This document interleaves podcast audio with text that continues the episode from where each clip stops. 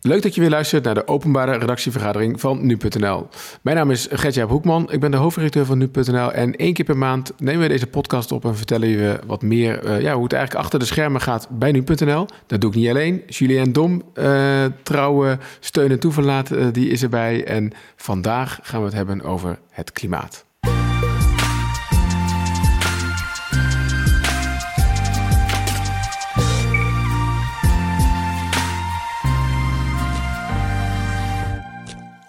Yes, en dat doen we niet alleen, Julienne, want uh, hoewel jij nou ook best een slimme jongen bent, toch? Ik mag hopen van wel. Ik neem aan dat je me daarom hebt aangenomen. Absoluut, zeker, zeker. Maar jij bent uh, lang niet zo, en ik, ik al helemaal niet, uh, expert op het gebied van het klimaat als onze collega Rolf Schuttenhelm. Dus Rolf, welkom. Dank jullie wel. Dit is niet de eerste keer dat, jij, dat we hier zo met z'n drieën zitten. Volgens mij ma maanden geleden hebben we ook al eens met jou het gehad over het klimaat. Ja, het klimaat speelt al, al wel een paar jaar eigenlijk. Hè? Dus het, uh, om de zoveel tijd is het, uh, is het groot in het nieuws. En dan uh, kom ik even opdraven in jullie, in jullie gesprek. Ja, ja, ja jij bent al een tijdje werkzaam voor nu.nl, maar sinds dit jaar echt ook in dienst bij ons hè, als klimaatverslaggever. toch, toch even hoor, voor mensen die, de, de, die die ene podcast niet hebben gehoord. Waar, waarom, waarom ben je eigenlijk klimaatverslaggever? Ja, ik, ik, ben daar, ik ben daar eigenlijk heel erg in geïnteresseerd. Ik vind dat heel, een heel boeiend onderwerp dat ga ik even terug, uh, jaren terug, hè, toen ik hiermee begon. Um, ik zie het denk ik een beetje als een puzzel. Dus een puzzel die me boeit. Als je er helemaal een paar stukjes van probeert te leggen, dan wordt hij steeds spannender. Uh, ik ben geïnteresseerd in natuurwetenschappen. Ik heb ook een beetje zo'n achtergrond qua studie. Um, dus ik vind het boeiend, enerzijds. En anderzijds ben ik ook wel, beken ik ook wel kleur. Ik bedoel, ik vind het ook een, een belangrijk onderwerp. Ik denk dat als klimaatverandering zomaar doorgaat, dat we dan een groot probleem hebben. Nou, dan zie je dus dat heel veel mensen proberen om daar wat aan te doen. Eigenlijk de hele mensheid officieel. Uh, dus dat is iets dat ik, uh, dat ik dan weer iets heel constructiefs vind. En uh, ja, als journalist heb je daar ook een soort rol in. Hè? Ja, wat, nou, je zegt al een paar dingen waar ik wel, waar, waar ik wel op aan wil haken eigenlijk. Om, je, om even te beginnen bij, je zegt je bekend kleur. Hè? Of, is dat echt zo? Nou, ik, ik, ik ben daar wel graag gewoon een beetje open over dat het me wat kan schelen.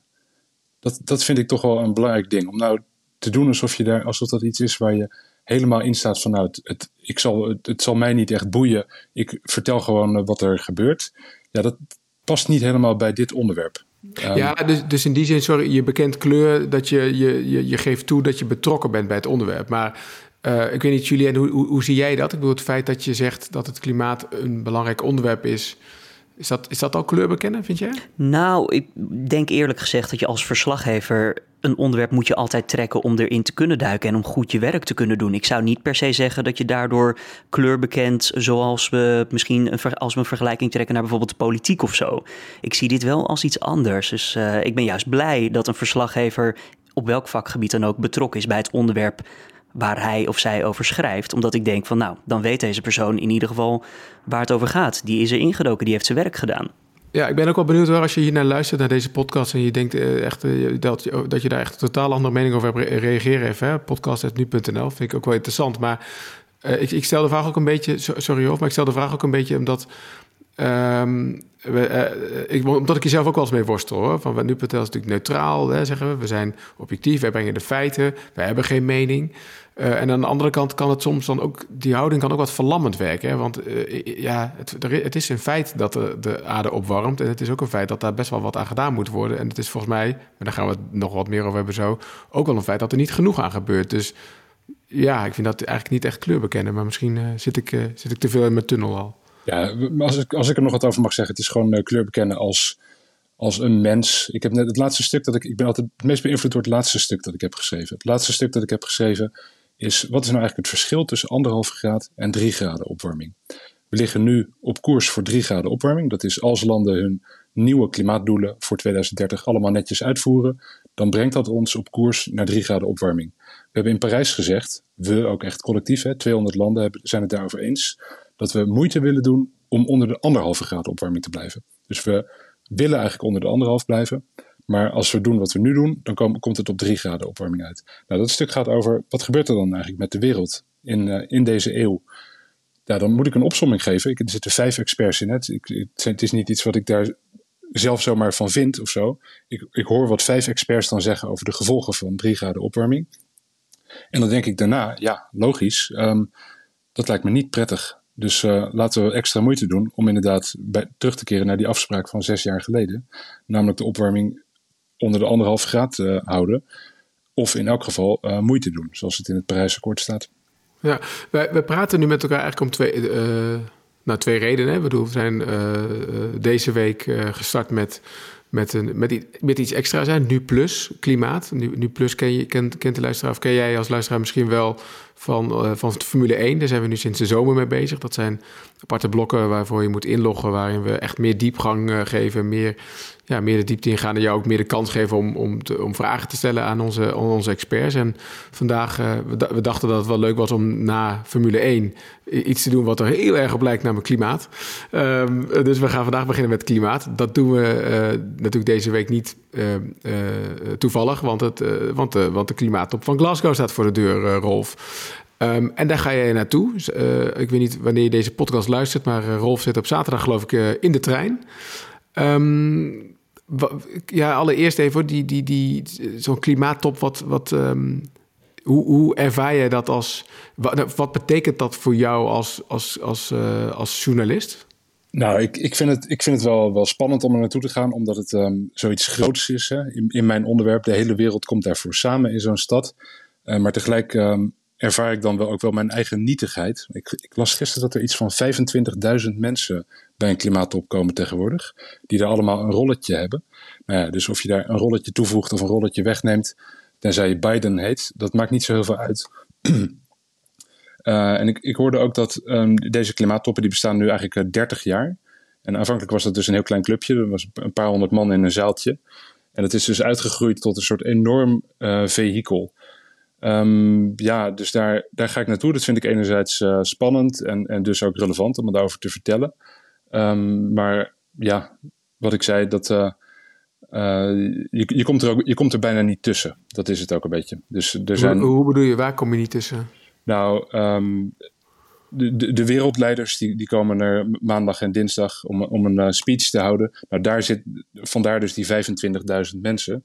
Um, ja, probeer daar maar eens uh, goed tussen te komen. En, uh, en ik wil natuurlijk het liefst Biden uh, te spreken krijgen. Nou ja. Maar heb jij een plan van aanpak dan, Rolf? Dat jij denkt van, nou, ik glip ergens achterlangs of zo? Of?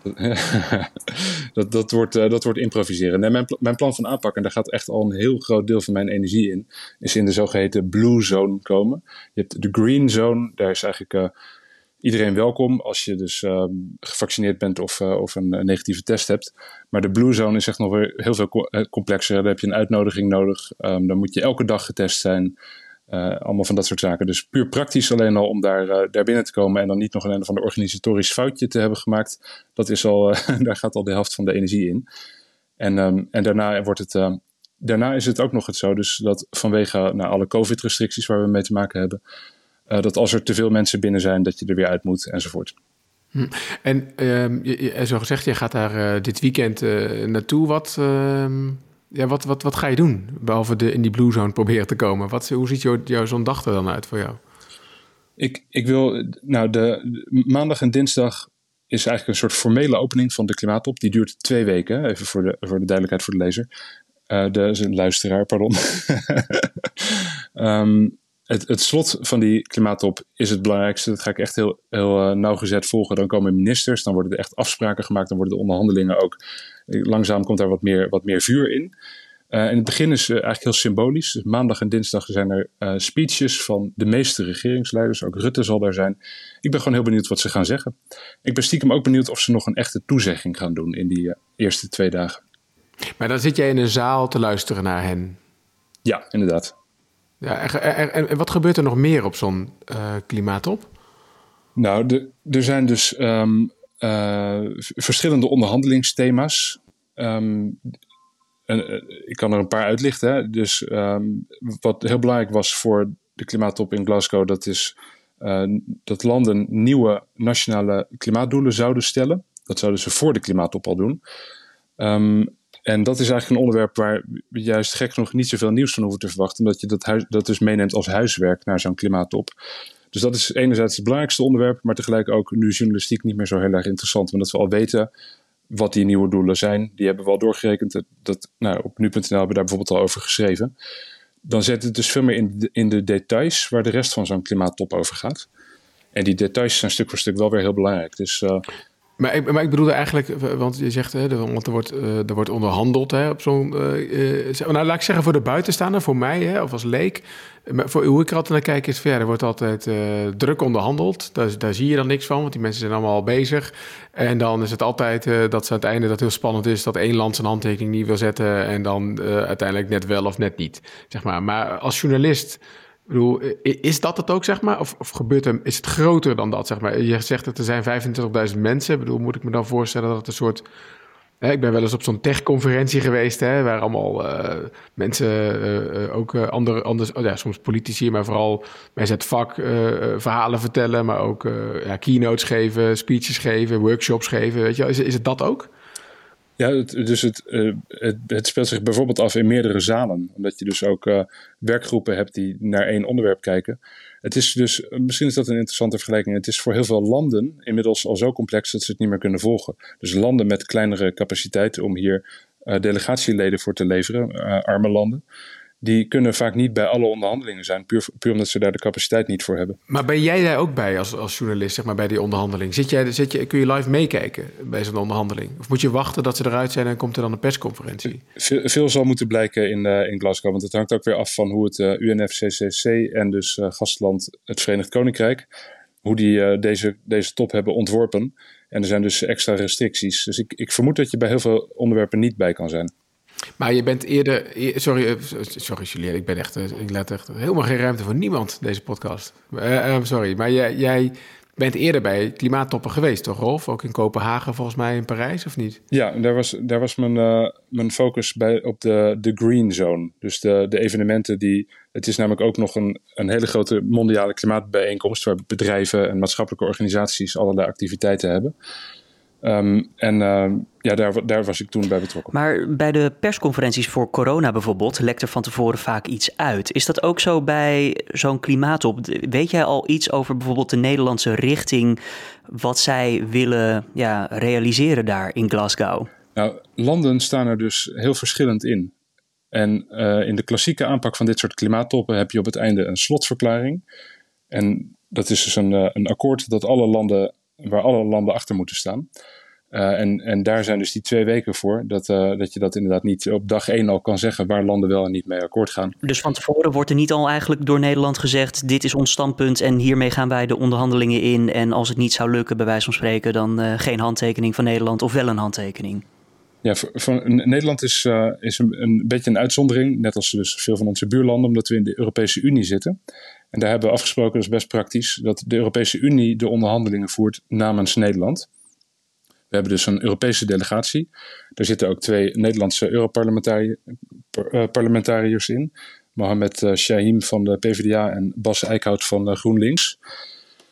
Um, wat nieuw is in deze klimaattop, is dat er naast um, dus het streven naar een soort slotverklaring waar iedereen het mee eens is. En en Nederland dus vertegenwoordigd zou worden door de Europese Unie, dat er ook wordt geprobeerd om bij sommige onderwerpen kopgroepen te vormen van landen. En dan ligt het dus inderdaad wel bij uh, Nederland specifiek, de Nederlandse delegatie, uh, of die bijvoorbeeld uh, een voorstel willen steunen dat door andere landen gedaan wordt. En dat is dan ook de reden dat bijvoorbeeld Rutte afreist naar Glasgow. Want namens de Europese Unie heeft hij dus niet zoveel te zeggen, maar dit soort kopafspraken dus wel. De, dat, is, uh, dat is denk ik niet de reden dat Rutte er naartoe gaat. Het is, dat is toch echt uh, om, om het gewicht van deze VN-onderhandelingen nog een keer te beklemtonen. Komen op dag 1 en 2. Dat is echt best formeel, maar dan komen regeringsleiders dus. Om gewoon te laten zien dat ze het onderwerp belangrijk vinden, of om te laten zien dat ze het onderwerp niet belangrijk vinden, zoals uh, Rusland. Die, uh, want Poetin komt bijvoorbeeld niet, is een van de weinigen die niet komt. En dan laat je, geef je dus het signaal dat je het niet belangrijk vindt, maar bijna alle anderen komen wel. Eh, wat, wat, verwacht je ervan, Rolf? Kan je dat zeggen? Ik, ik vind het heel belangrijk om dus dat, dat echt een beetje als een ui af te pellen. Waarom is Glasgow nou belangrijk? In Parijs is al afgesproken dat voor deze klimaattop het echt gaat om de daden bij het woord voegen. Dus het woord van Parijs is: we willen onder de anderhalve graad blijven. De daden zijn: hoeveel wil je de uitstoot nou eigenlijk verlagen per land? Dat onderwerp blijft het belangrijkste onderwerp, maar daar kunnen we dus van tevoren al van zeggen: nou ja, we weten dat het er eigenlijk niet zo goed voor staat. De landen hebben wel een iets, iets ambitieuzere doelen gesteld voor 2030. Nederland moet dat overigens nog doen. Maar ehm, we weten dat we daarmee zouden uitkomen op ongeveer, als die doelen worden uitgevoerd, 2,7 graden opwarming. Het is maar 8% ambitieuzer dan de doelen die al bestonden zes jaar geleden. Dus dat is een soort reality check van het is een stapje ambitieuzer, maar dat is zeker niet genoeg. En tegelijk kan je nu al zeggen dat er waarschijnlijk niet heel veel gaat veranderen in de komende twee weken op dat vlak.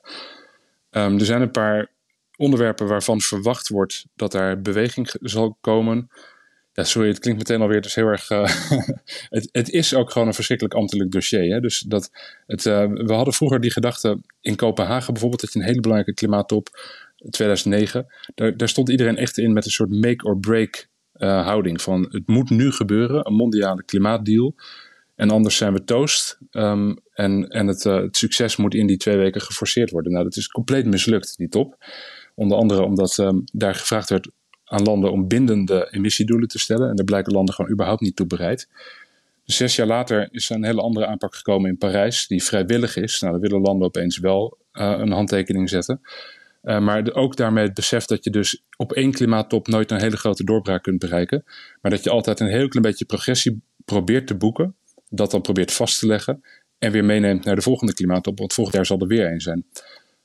Toch is deze belangrijk. En uh, deze is belangrijk omdat er verwacht wordt, je weet het nooit zeker, dat de spelregels voor het Parijsakkoord, daar is een rulebook voor, um, dat die uh, definitief um, beklonken worden. Dus dat stond ook nog open in Parijs, van we hebben spelregels nodig. Nou, de, toppen daarna zijn de meeste spelregels, er bereikte ze een akkoord over. En één onderwerp dat bleef heel lang heel hardnekkig open liggen, en dat is het onderwerp emissiehandel.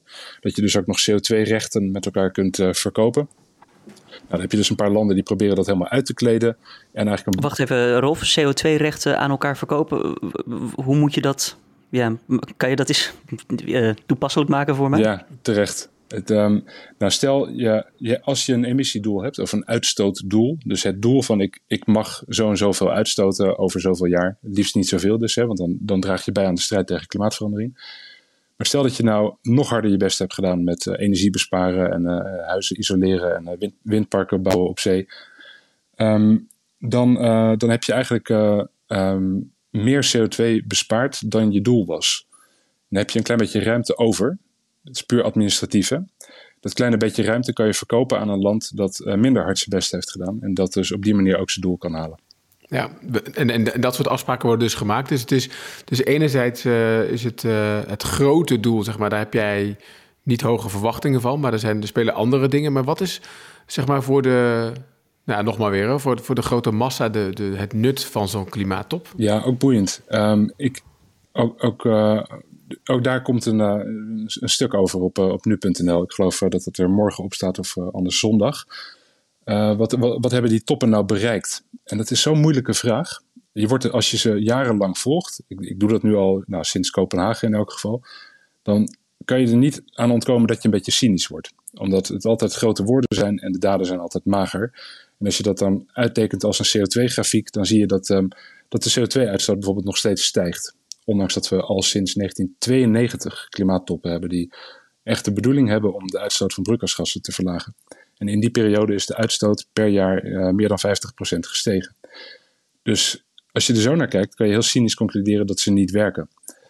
Maar dat is niet helemaal het hele verhaal. Je moet dat dan vergelijken met hoe de uitstoot zou zijn geweest als we die klimaattoppen niet hadden gehad. Dan was het nog erger geweest, bedoel je? Ja, dan was het nog erger. En dat kan je uitrekenen. Dat doet het VN-milieuprogramma UNEP en het Planbureau voor de Leefomgeving in Nederland. Die hapt daar ook aan bij. Ja, dus het remt de stijging, maar het, be be beweegt niet eh, naar een daling. Dat is uh, wat, je, wat, je, wat je eigenlijk zegt. Maar, en dat model kan uiteindelijk heel veel vruchten geven. Als je dus elke vijf jaar de stijging verder remt en hem dus om, ombuigt naar een daling en elke vijf jaar daar, dat blijft versnellen, dan kan je heel ver komen. Als je denkt dat je, dan kan je voor 2030 al ver zijn en dan kan je voor 2050 helemaal ver zijn. Maar, maar, maar, ik, maar ik bedoelde eigenlijk ook zeg maar, met het nut dat je uh, kunt zeggen, hè, van door zo'n klimaattop, uh, nou ja, wij hebben het er nu over, hè, heel veel programma's uh, hebben het erover, de, de, journalistiek, de media, aandacht is best wel groot, hè, maar dat kan, daarvan kan je denken dat het positief effect kan hebben, want het klimaat staat weer onder de aandacht. Je kan ook zeggen, ja, het kan misschien een negatief effect hebben, want nou ja, als, als, als je dit verhaal zo vertelt, Rolf, dan kunnen mensen, kunnen mensen ook cynisch worden. Um, Vind jij dat er, um, we hadden het in het begin van deze podcast over kleur, bekennen.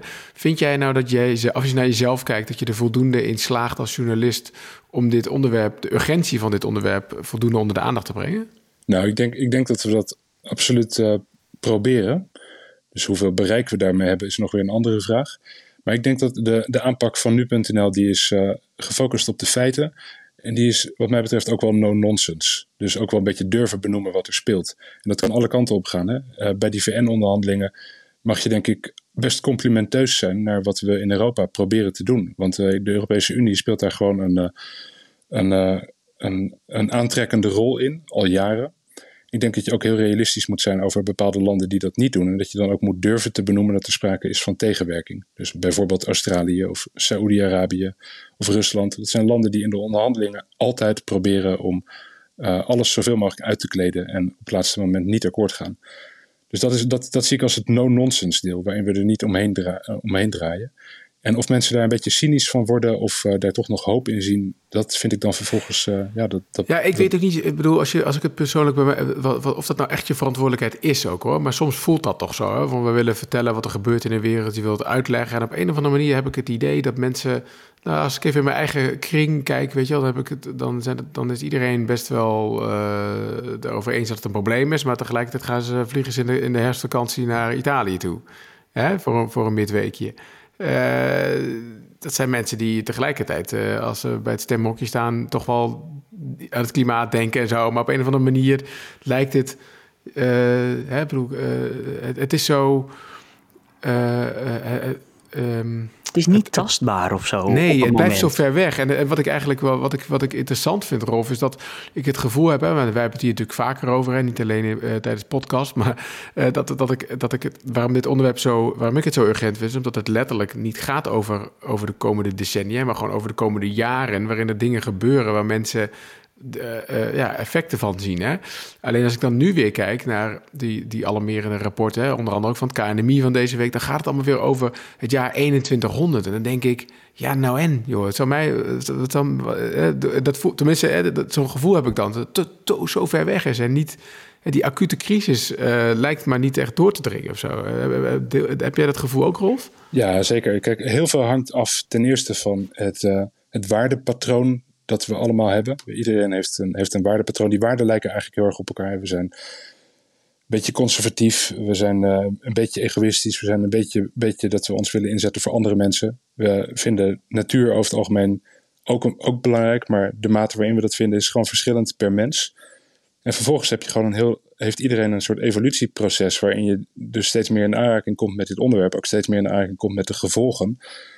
En voor sommige mensen leidt dat tot een, tot een verandering in gedrag. Dat moet je denk ik niet onderschatten. Dat zijn er best veel. Er zijn heel veel mensen die echt wel het klimaat meewegen in hun, uh, in, uh, in hun uh, nou, consumptie. Of je een huis isoleert, dat doe je niet alleen voor je rekening. Maar dat doe je misschien toch ook wel echt voor, voor die periode na je.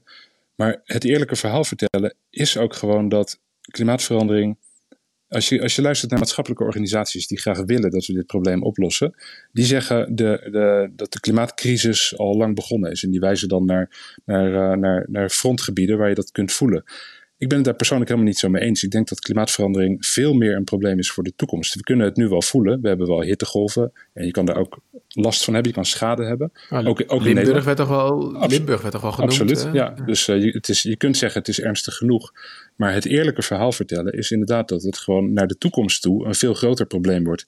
En uh, ja, velen van ons zullen, daar, zullen dat niet meer persoonlijk meemaken. Dus dan, dan, dan staat of valt het, of je dus bereid bent tot gedragsverandering. Dat staat dan... Uh, dat hangt er vanaf hoe belangrijk je het vindt dat er, dat er mensen na ons zijn die er last van zullen hebben. Ja, en dan tegelijkertijd hè, we hebben volgens mij uh, dit weekend ook een discussie op Nu Jij, hè, rond uh, Nu Plus Klimaat. Uh, over van ja, maar bij wie ligt eigenlijk die verantwoordelijkheid? Hè? Want enerzijds kun je zeggen, ja, een beter milieu begint bij jezelf. Maar dat is natuurlijk ook een beetje vals frame. Want je kan ook zeggen, ja, overheden moeten gewoon.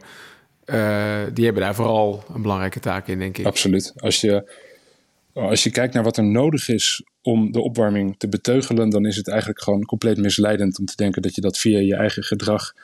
Het is er uiteindelijk een onderdeel van, maar alles, alles staat of valt bij of je systeemveranderingen krijgt. Dus, ja, dus, de, dus de vraag is ook van, hè, moeten, moeten wij in onze berichtgeving heel erg focussen op, op, op, op de verandering in gedrag van mensen?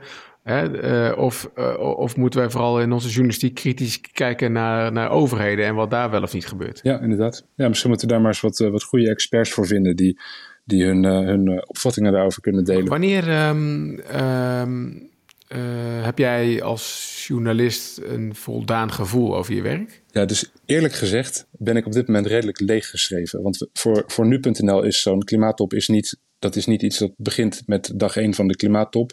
Maar dat is iets waar we natuurlijk al weken naartoe werken met allerlei uh, achtergronden. We proberen de lezer echt al mee te nemen in dat dit er aankomt. Ik denk dat dat heel belangrijk is, dat je van tevoren weet wat er speelt. Um, nou, we lanceren vandaag Nu Plus Klimaat. Uh, daarin uh, doen we nog veel meer. Hè? Dus echte achtergronden. We zoeken heel erg de interacties en heel erg benieuwd wat mensen voor vragen hebben. Ook wat mensen voor meningen hebben. Dus meer ruimte voor, voor discussie.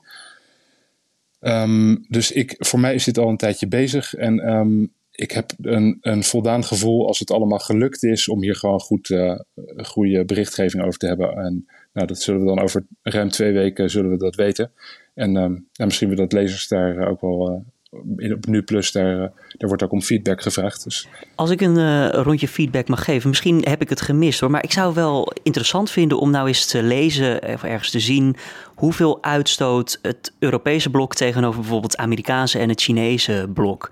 Ja, wat de verschillen zijn. Zijn we nou een hele kleine speler omdat we zo groen bezig zijn met z'n allen? Althans, zo doen we ons voor.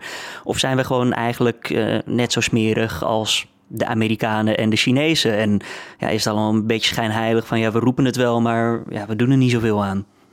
Ja. Is zoiets, uh, is, is, dat, is die informatie te vinden? Uh, zeker, ja, dan moet je gewoon uh, eigenlijk even googlen. Ik heb het niet eens echt paraat hoe groot het aandeel van Europa is in de mondiale CO2-uitstoot, maar het is fors. Nederland of. Uh... I ideetje, Rolf. Ja, ideetje. Ja, ik, heb wel, ik heb wel een paar interessante statistieken. Ik vind het altijd net iets boeiender om te kijken naar de, dat heet dan de uitstoot per capita, dus de uitstoot per, per gemiddelde inwoner. Dan kan je dus zien hoe, hoe um, dat is een eerlijke vergelijking. Hè? En dan zie je dat, dat twee blokken met vergelijkbaar welvaartsniveau, dus uh, Europese Unie en uh, de VS, dat die eigenlijk een uh, fors verschillende uitstoot hebben. Dus een, een, gemiddelde Amerikaan stoot ongeveer twee keer zoveel broeikasgassen uit per jaar als een gemiddelde Europeaan. Terwijl we niet zo heel veel erg verschillen in, in welvaart of welzijn met name. Um, en China, nou, China, dat, dat, dat noemden we zoveel jaar geleden nog een ontwikkelingsland. En China is nu de grootste netto uh, CO2-uitstoter in de wereld, fors meer dan de VS. Maar de gemiddelde Chinees is ook wel hard op weg. Die is, stoot ook ongeveer evenveel CO2 uit als een gemiddelde Europeaan. Maar iemand uit India bijvoorbeeld weer heel veel minder. Hey, ik breek even in, want dit klinkt al bijna als een soort pilot voor, voor een uh, klimaatpodcast waar we volgens mij ook uh, mee bezig zijn. Dus hou het, hou het in de gaten, luisteraar, want er komt, uh, er komt, er komt iets moois aan op dat, op dat vlak. Um, wanneer, wanneer vlieg je, Rolf? Wanneer vlieg je naar Glasgow? heel goed. Ja, nee, ik, ik, ik, ik moet natuurlijk de trein pakken. Dat is wel één groot ongemak. Dat betekent dat ik iets van 24 uur lang een mondkapje op mijn gezicht mag hebben. En natuurlijk, je weet het wel te verkopen. Ja, ja, ik, ik, pest, ik, ik, ik, pest je inderdaad, inderdaad. Maar jij gaat inderdaad, uh, Rolf gaat niet met een vliegtuig. Ik, mag van mijn geloof mag ik uh, niet vliegen. En, ik, en aangezien ik ook nog van de wetenschap ben, draag ik natuurlijk ook nog zo'n, hoe heet dat, FFP2-masker. Uh, het enige mondkapje dat daadwerkelijk werkt. Dat je kent van Angela Merkel en zo, dat niemand in Nederland kent. Ik ben hier een jaar te laat mee hoor, daar ben ik me van bewust. Maar het ongemak neemt alleen maar verder toe, want ik zit dus continu in mijn eigen nou ja, ik zit mijn eigen CO2 te recyclen, zeg maar. Nou, dat klinkt al wel als een goed begin. Uh, Rolf, mag ik jou uh, sowieso heel veel succes wensen daar, uh, daar in Glasgow. En we gaan het allemaal volgen op, op, op nu.nl, alle, alle berichtgeving. Dank ook voor, voor, voor nu. Um, ja, heb je een vraag nou naar aanleiding van het verhaal van Rolf? ja, mail ons, podcast.nu.nl. En dan komen we daar zeker op terug. Ik, ehm, ik, hoop, ik vond het in ieder geval fijn om even een beetje een kijkje te kijken in, krijgen in jouw nou ja, achter jouw schermen, Rolf. Dankjewel daarvoor. Ja, leuk. Graag gedaan. Super, dankjewel Julien ook. Um, en natuurlijk vooral jij bedankt voor het luisteren naar deze maand van nu. We zijn er, uh, nou, we zijn, we zijn er sowieso nog wel twee keer dit jaar, toch uh, Julien? Dus uh, bij hoge uitzondering hebben we het onderwerp al voor volgende maand. Dat, normaal gesproken, luisteraar, bedenken we dit natuurlijk allemaal de dag van tevoren. Dan zegt Julien, weet je het al? Dan denk ik, oh, is het weer zover? Maar we weten het al. Ik hou het nog even geheim. Maar we hebben een mooie aflevering, denk ik, volgende, volgende maand. Dus uh, hou ons in de gaten. Als je dit nou een leuke podcast vindt, Julien, wat moet je dan allemaal doen? Like en subscribe. Mag ik ook eens doen, me voordoen als een YouTuber. Nee, en abonneer, abonneer. Hoeveel duimpjes, ga, hoeveel duimpjes gaan we voor? nou, ik zou zeggen, als we in de drie getallen zitten, is het hartstikke mooi. Nee, maar abonneer je op deze podcast natuurlijk, krijg je ook elke ochtend de dagelijkse Dit Wordt Het Nieuws podcast erbij. Met daarin het overzicht van wat er allemaal te gebeuren staat. En sowieso, ja, log in op nu.nl, uh, want daar vind je de podcast, maar dus ook deze hele interessante klimaatstukken van Rolf onder andere. Super, goed gedaan. Uh, dankjewel voor het luisteren en tot de volgende keer.